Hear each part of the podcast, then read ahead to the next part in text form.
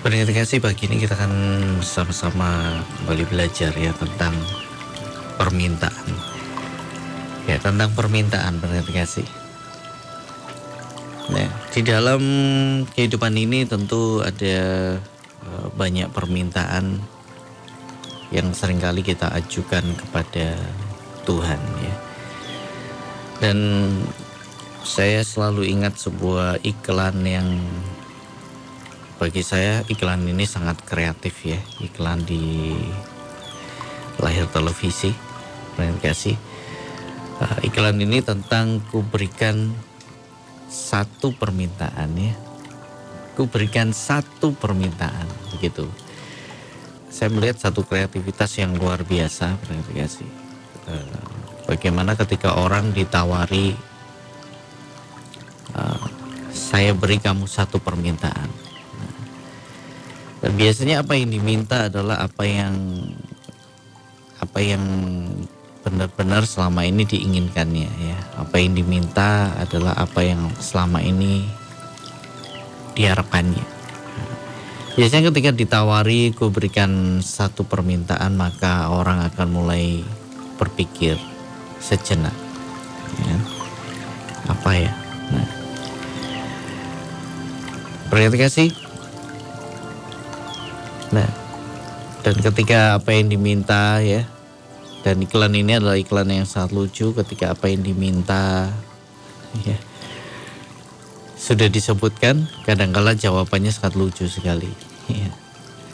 salah satu contohnya saya ingin menikah dengan mawar ya nah, kemudian tiba-tiba ya dia berada di sebuah pelaminan dan di sebelahnya ada mawar yang yang memakai baju ya uh, baju kebaya pernikahan ya. Nah, tapi di situ bukan manusia tapi bunga mawar yang besar. Jadi berakhir dengan sesuatu yang lucu sekali. Dan saya sangat mengapresiasi betapa kreatifnya. Ya, iklan yang sama tapi uh, ceritanya bisa beda-beda dan sangat menghibur sekali. Ya kasih. Jadi kalau anda misalkan ditawari mintalah ya satu permintaan ya, apa yang akan anda minta kasih. Satu kalau satu ini membuat kita harus berpikir ya apa yang harus saya minta apa yang harus saya minta dalam hidup ini. Nah, kasih ya. Anda mau apa? Ya tergantung dengan keberadaan Anda hari ini. Nah, ada seorang raja mendengar kasih yang pernah ditawari Tuhan. Ya, waktu itu Tuhan menampakkan diri kepada raja ini yaitu Raja Salomo. Anda bisa baca dalam satu raja-raja pasal yang ketiga. Di ayat yang kelima di situ dituliskan di Gibeon itu Tuhan menampakkan diri kepada Salomo dalam mimpi pada waktu malam. Kemudian berfirmanlah Allah, mintalah apa yang hendak kuberikan kepadamu. Ya. Mintalah apa yang hendak kuberikan kepadamu. Ya. Kemudian ayat selanjutnya lalu Salomo berkata, ya, Engkaulah yang telah menunjukkan kasih setiamu yang besar kepada hambamu Daud ayahku sebab ia hidup benar, ia hidup di hadapanmu dengan setia, ya dikatakan dengan setia, benar dan jujur terhadap engkau. Dan engkau telah menjamin kepadanya kasih setia yang besar itu dengan memberikan kepadanya seorang anak yang duduk di tahtanya seperti pada hari ini. Maka sekarang ya Tuhan Allahku, engkaulah yang mengangkat hambamu ini menjadi raja menggantikan Daud ayahku. Sekalipun aku masih sangat muda dan belum berpengalaman. Demikianlah hambamu ini berada di tengah-tengah umatmu yang kau pilih suatu umat yang besar yang tidak terhitung dan tidak terkira banyaknya. Maka berikanlah kepada hambamu ini hati yang paham menimbang perkara untuk menghakimi umatmu dengan dapat membedakan antara yang baik dan yang jahat. Sebab siapakah yang sanggup menghakimi umatmu yang sangat besar ini? Nah, jadi ketika Salomo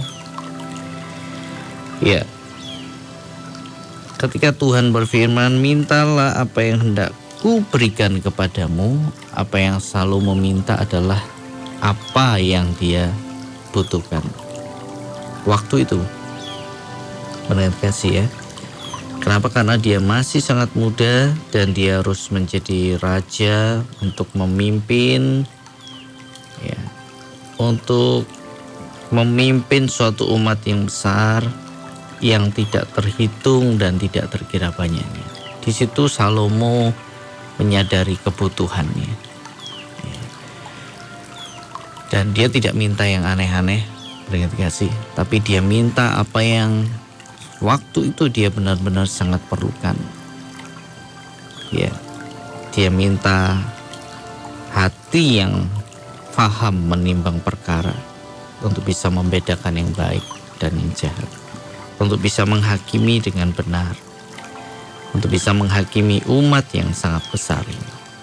Nah, dia tidak minta yang lain-lain, tapi dia minta apa yang dia butuhkan waktu itu. Nah, dan apa jawaban Tuhan? Nah, Tuhan kan tadi berkata, mintalah apa yang hendak kuberikan kepadamu. Setelah Salomo menjawab, ya kasih. Tuhan kembali berfirman di ayat yang ke-11. Jadi berfirman Allah kepadanya, oleh karena engkau meminta hal yang demikian, dan tidak meminta umur panjang atau kekayaan, atau nyawa musuhmu, melainkan pengertian untuk memutuskan hukum, maka sesungguhnya aku melakukan sesuai dengan permintaanmu itu. Sesungguhnya aku memberikan kepadamu hati yang penuh hikmat dan pengertian, sehingga sebelum engkau tidak ada seorang pun seperti engkau. Dan sesudah engkau takkan bangkit seorang pun seperti engkau. Jadi Tuhan memberikan apa yang Salomo minta. Jadi Tuhan ketika dia memberikan penawaran, ya, mintalah apa yang hendak ku berikan kepadamu. Ya, ketika Salomo mengatakan dan Tuhan benar-benar mengabulkan permintaannya. Nah, dan uniknya pendengar kasih Tuhan kembali berkata, ya, bukan saja apa yang diminta Salomo yang diberikan Tuhan, tetapi apa yang tidak Salomo minta. Nah, ini garis bawah ini. Apa yang tidak Salomo minta, Tuhan berikan kepadanya. Ya, Luar biasa peringatan kasih. Jadi Salomo mendapatkan apa yang dia minta dan apa yang dia tidak minta. Kenapa? Karena dia meminta apa yang benar-benar menjadi kebutuhannya, peringatan kasih. Kebutuhan terbesar ya dalam hidupnya sebagai seorang raja. Dan apa yang dia tidak minta, diberikan. Di ayat yang ke-13 dituliskan dan juga apa yang tidak kau minta aku berikan. Luar biasa ya. Aku berikan kepadamu baik kekayaan maupun kemuliaan. Sehingga sepanjang umurmu takkan ada seorang pun seperti engkau di antara raja-raja ya kan? Kekayaan dan kemuliaan diberikan kepada Salomo. Luar biasa. Jadi ketika Tuhan uh, berfirman, mintalah apa yang tidak kuberikan kepadamu, Salomo tidak minta Jadikan saya kaya Tuhan. Jadikan saya kaya. Dia tidak minta itu. Dia tidak minta umur yang panjang. Ya. Saya jadikan saya orang yang umurnya sangat panjang tidak. Tapi dia minta hati yang faham menimbang. Dan luar biasanya ya.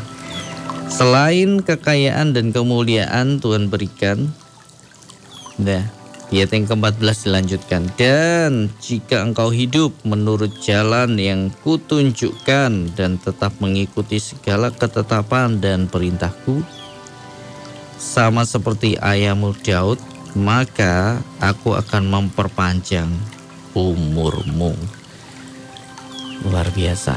Umur Salomo diperpanjang kalau dia mau hidup mengikuti segala ketetapan dan perintah Tuhan. Umur panjang. Tidak dia minta tapi Tuhan akan memberikannya kalau dia hidup menurut ketetapan Tuhan. Luar biasa perhatikan. Di ayat yang ke-15 selalu terjagalah Salomo, ternyata ia bermimpi. Nah, itulah cara Tuhan bicara salah satunya lewat mimpi. Nah, berkat kasih pagi ini kita belajar ya. Kalau kita ini disuruh meminta, apa yang akan kita minta?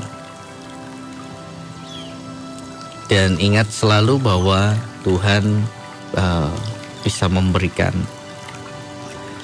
apa yang kita minta dan apa yang tidak kita minta kalau yang kita minta itu benar-benar ya yang menjadi kebutuhan kita menurut kasih. Nah, hari-hari ini apa yang Anda butuhkan? Saya percaya kalau kita ditanya apa ya yang saya butuhkan hari ini. Saya butuh sehat Tuhan, ada yang berkata seperti itu. Saya butuh kesembuhan dari sakit, ya kan? Ada yang berkata saya butuh pemulihan ekonomi Tuhan. Ada yang berkata, saya butuh pemulihan keluarga Tuhan. Saya mau keluargaku dipulihkan. Ada yang butuh apa lagi? Saya butuh pekerjaan yang lebih baik Tuhan. Banyak sekali berkat kasih. Nah, apalagi kalau kita sedang banyak masalah berkat kasih. Ya, ya baik kesehatan terganggu, ekonomi sedang goncang misalkan, keluarga bermasalah, kalau kita disuruh memilih satu, mana yang akan kita pilih ya kan? Anda mau sehat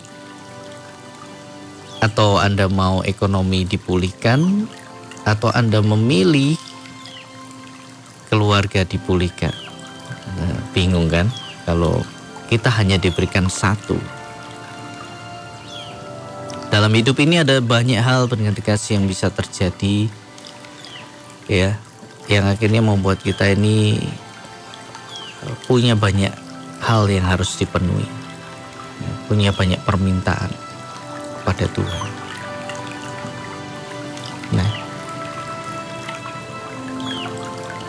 apa yang seharusnya kita minta pendengar kasih kepada Tuhan nah, kalau anda ditanya, apa yang akan Anda jawab? Misalkan hari ini, pagi ini, Tuhan berfirman, berikan apa yang, mintalah apa yang hendak ku berikan kepadamu. Apa yang akan kita jawab? Ya. Kesehatankah? Pemulihan ekonomi? Pemulihan keluarga? Atau hal yang lain? Kita butuh pasangan hidup ya kita butuh pekerjaan yang lebih baik kita butuh apa lagi? Banyak hal. Kalau saya ditanya pun saya merenung ya apa yang harus saya apa yang harus saya minta ya. Kalau seandainya saya diberikan satu tawaran dari Tuhan ya dikabulkan satu permintaan saja ngerti sih tapi saya menemukan jawabannya ya di dalam Mazmur pasal yang ke-27 ayat yang keempat ya. Mazmur 27 ayat yang keempat di situ dituliskan satu hal telah ku minta kepada Tuhan. Satu, ini benar-benar satu. Satu hal telah ku minta kepada Tuhan. Jadi mintanya cuma satu, ya. Satu hal telah ku minta kepada Tuhan. Itulah yang ku ingini. Diam di rumah Tuhan seumur hidupku. Diam di dalam rumah. Rumah di sini adalah bait Tuhan. Ya, tempat di mana Tuhan itu ada, bait Tuhan. Di mana kita merasakan selalu kehadirannya, pernah kasih. Ya, rumah Tuhan, bait Tuhan itu adalah kediaman Tuhan. Nah, di situ kita selalu merasakan kehadiran Tuhan. Itulah yang kuingini diam di rumah Tuhan seumur hidupku. Nah, berarti kasih. Untuk menyaksikan kemurahan Tuhan. Nah, jadi diam di rumah Tuhan, kita mengalami senantiasa kehadiran Tuhan. Ya. Anda pergi ke rumah siapa, pasti Anda akan mengalami kehadiran yang punya rumah. Kecuali yang punya rumah sangat sibuk keluar ya. Tapi kalau dia bukanlah orang yang sangat sibuk, ya, ketika kita sering ada di sering bermain ke rumah itu, kita akan mengalami kehadiran yang punya rumah itu. Ya. Nah, jadi satu hal yang perlu kita minta kepada Tuhan dan biarlah itu yang menjadi keinginan kita. Diam di rumah Tuhan seumur hidup kita. Menyaksikan kemurahan Tuhan. Menyaksikan kalau dalam kalau kita lebih jauh melihat kata kemurahan ini bisa diartikan keindahan Tuhan. Menyaksikan keindahan Tuhan.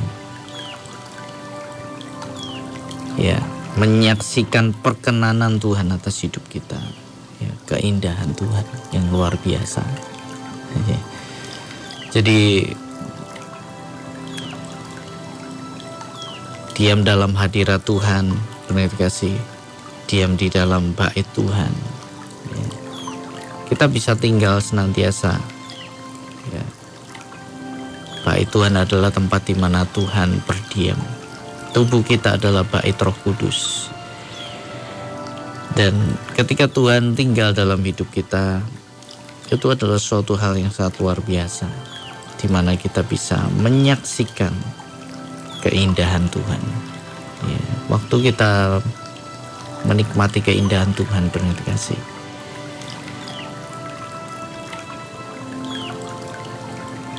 Itu adalah hal yang sangat luar biasa. Dan dalam hubungan yang semakin dalam dengan Tuhan, kita akan melihat keindahan Tuhan. Dan menikmati baitnya. Dan menikmati baitnya. Bait di sini kalau kita pelajari lebih jauh, bait di sini sebenarnya adalah istana, ya.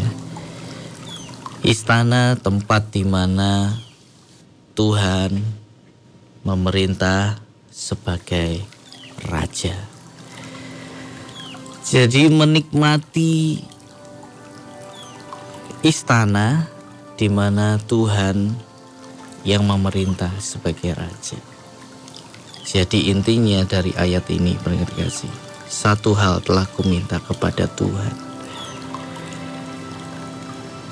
Itulah yang kuingini, ya kan? Diam di rumah Tuhan dan artinya apa sebenarnya? Dari kesimpulan dari ayat ini adalah satu hal telah ku minta kepada Tuhan. Biarlah Tuhan menjadi raja ya di dalam kehidupan saya. Nah menikmati istana di mana Tuhan memerintah sebagai raja kita minta Tuhan menjadi raja dalam hidup kita. Karena memang Tuhan itu raja. Dia bukan hanya Bapa, dia bukan hanya Tuhan, tapi lebih lagi. Dia itu adalah raja, mengerti kasih. Nah, dulu orang Israel pernah menolak Tuhan sebagai raja. Dan mereka ingin punya raja ya seperti bangsa-bangsa lain. Pendengar kasih, waktu Tuhan menjadi raja, kita bisa melihat bagaimana Tuhan ya memimpin Israel dengan luar biasa. Tidak ada kelaparan. Tidak ada kekurangan makanan, tidak ada, tidak ada kekurangan air. Ya, bangsa Israel jalan ya di padang gurun. Tapi kasutnya tidak rusak, pakaiannya tidak rusak. Luar biasa. Kapan hari waktu saya mendaki gunung dengan teman-teman ya, ada yang sandal sendalnya putus ya, dalam perjalanan. Itu baru berapa jam ya, ini melewati padang gurun. Tapi kasutnya ya yang ada di kaki itu tidak rusak. Itulah ketika Tuhan menjadi raja. Nah, Percayalah kalau kita hari ini meminta seperti ini, Tuhan, jadilah Engkau raja dalam hidup saya. Apakah Tuhan berkenan? Tentu saja Tuhan sangat senang. Ya. Ketika kita meminta Dia untuk menjadi raja dalam hidup kita. Dan saya percaya Dia akan mengabulkan apa yang kita minta. Dia mau jadi raja kita.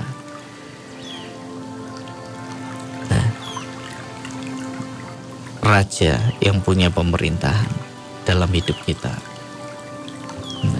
Dan saya percaya ketika dia yang kita minta itu Tuhan jadilah engkau raja dalam hidup saya.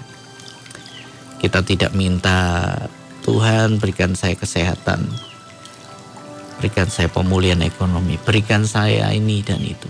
Tapi ketika kita minta satu hal Tuhan, jadilah engkau raja, saya percaya yang lain-lain yang tidak kita minta, Tuhan akan berikan.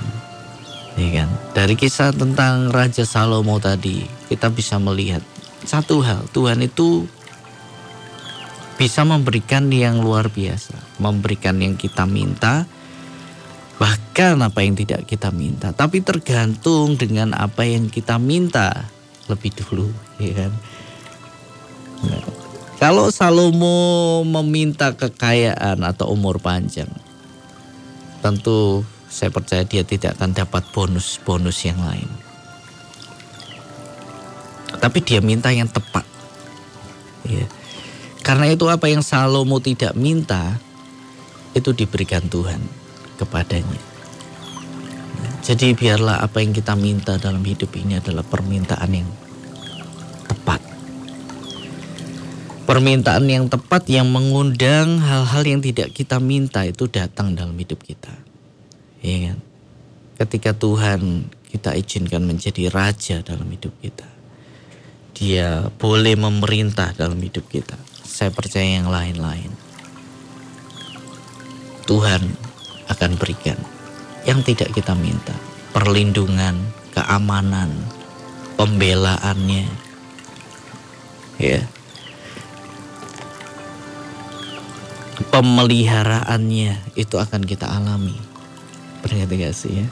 Di kerajaan sorga tidak ada yang kelaparan.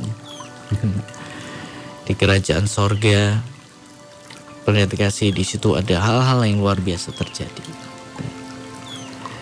Kalau kita mengundang dia bukan hanya menjadi raja di sorga tapi menjadi raja dalam hidup kita. Saya percaya yang tidak kita minta itu akan Tuhan berikan. Jadi kalau Anda ditawari hari ini oleh Tuhan, ya mintalah apa yang tidak ku berikan kepadamu. Biar kita semua berkata, Tuhan jadilah engkau raja dalam hidup kami. Satu permintaan itu cukup pendengar kasih. Cukup. Karena apa? Tidak usah mikir yang lain-lain ya. Tuhan sendiri berfirman jangan kamu khawatir apa yang kamu makan, minum, pakai. Ya. Semua itu dicari bangsa-bangsa yang tidak mengenal Allah. Jangan khawatir akan apa-apa, apa pun juga, kasih. Semuanya akan diberikan sebagai bonus ketika kita meminta yang tepat. Percayalah, yang tidak kita minta itu akan Tuhan curahkan dalam kehidupan ini. Hari ini, biarlah kita menjadikan Tuhan sebagai Raja dalam hidup kita. Sudahkah dia mempunyai tempat di hati kita sebagai seorang Raja? Terima kasih. Kalau belum, jadikan dia Raja. Raja itu memerintah. Artinya ketika Tuhan mau ini, lakukan. Tuhan memerintahkan ini, lakukan. Dia punya kuasa untuk memerintah. Maka kalau kita menghidupi Mazmur 27 ini, ayat yang keempat, yang tidak kita minta, saya percaya Tuhan jamin dengan sempurna.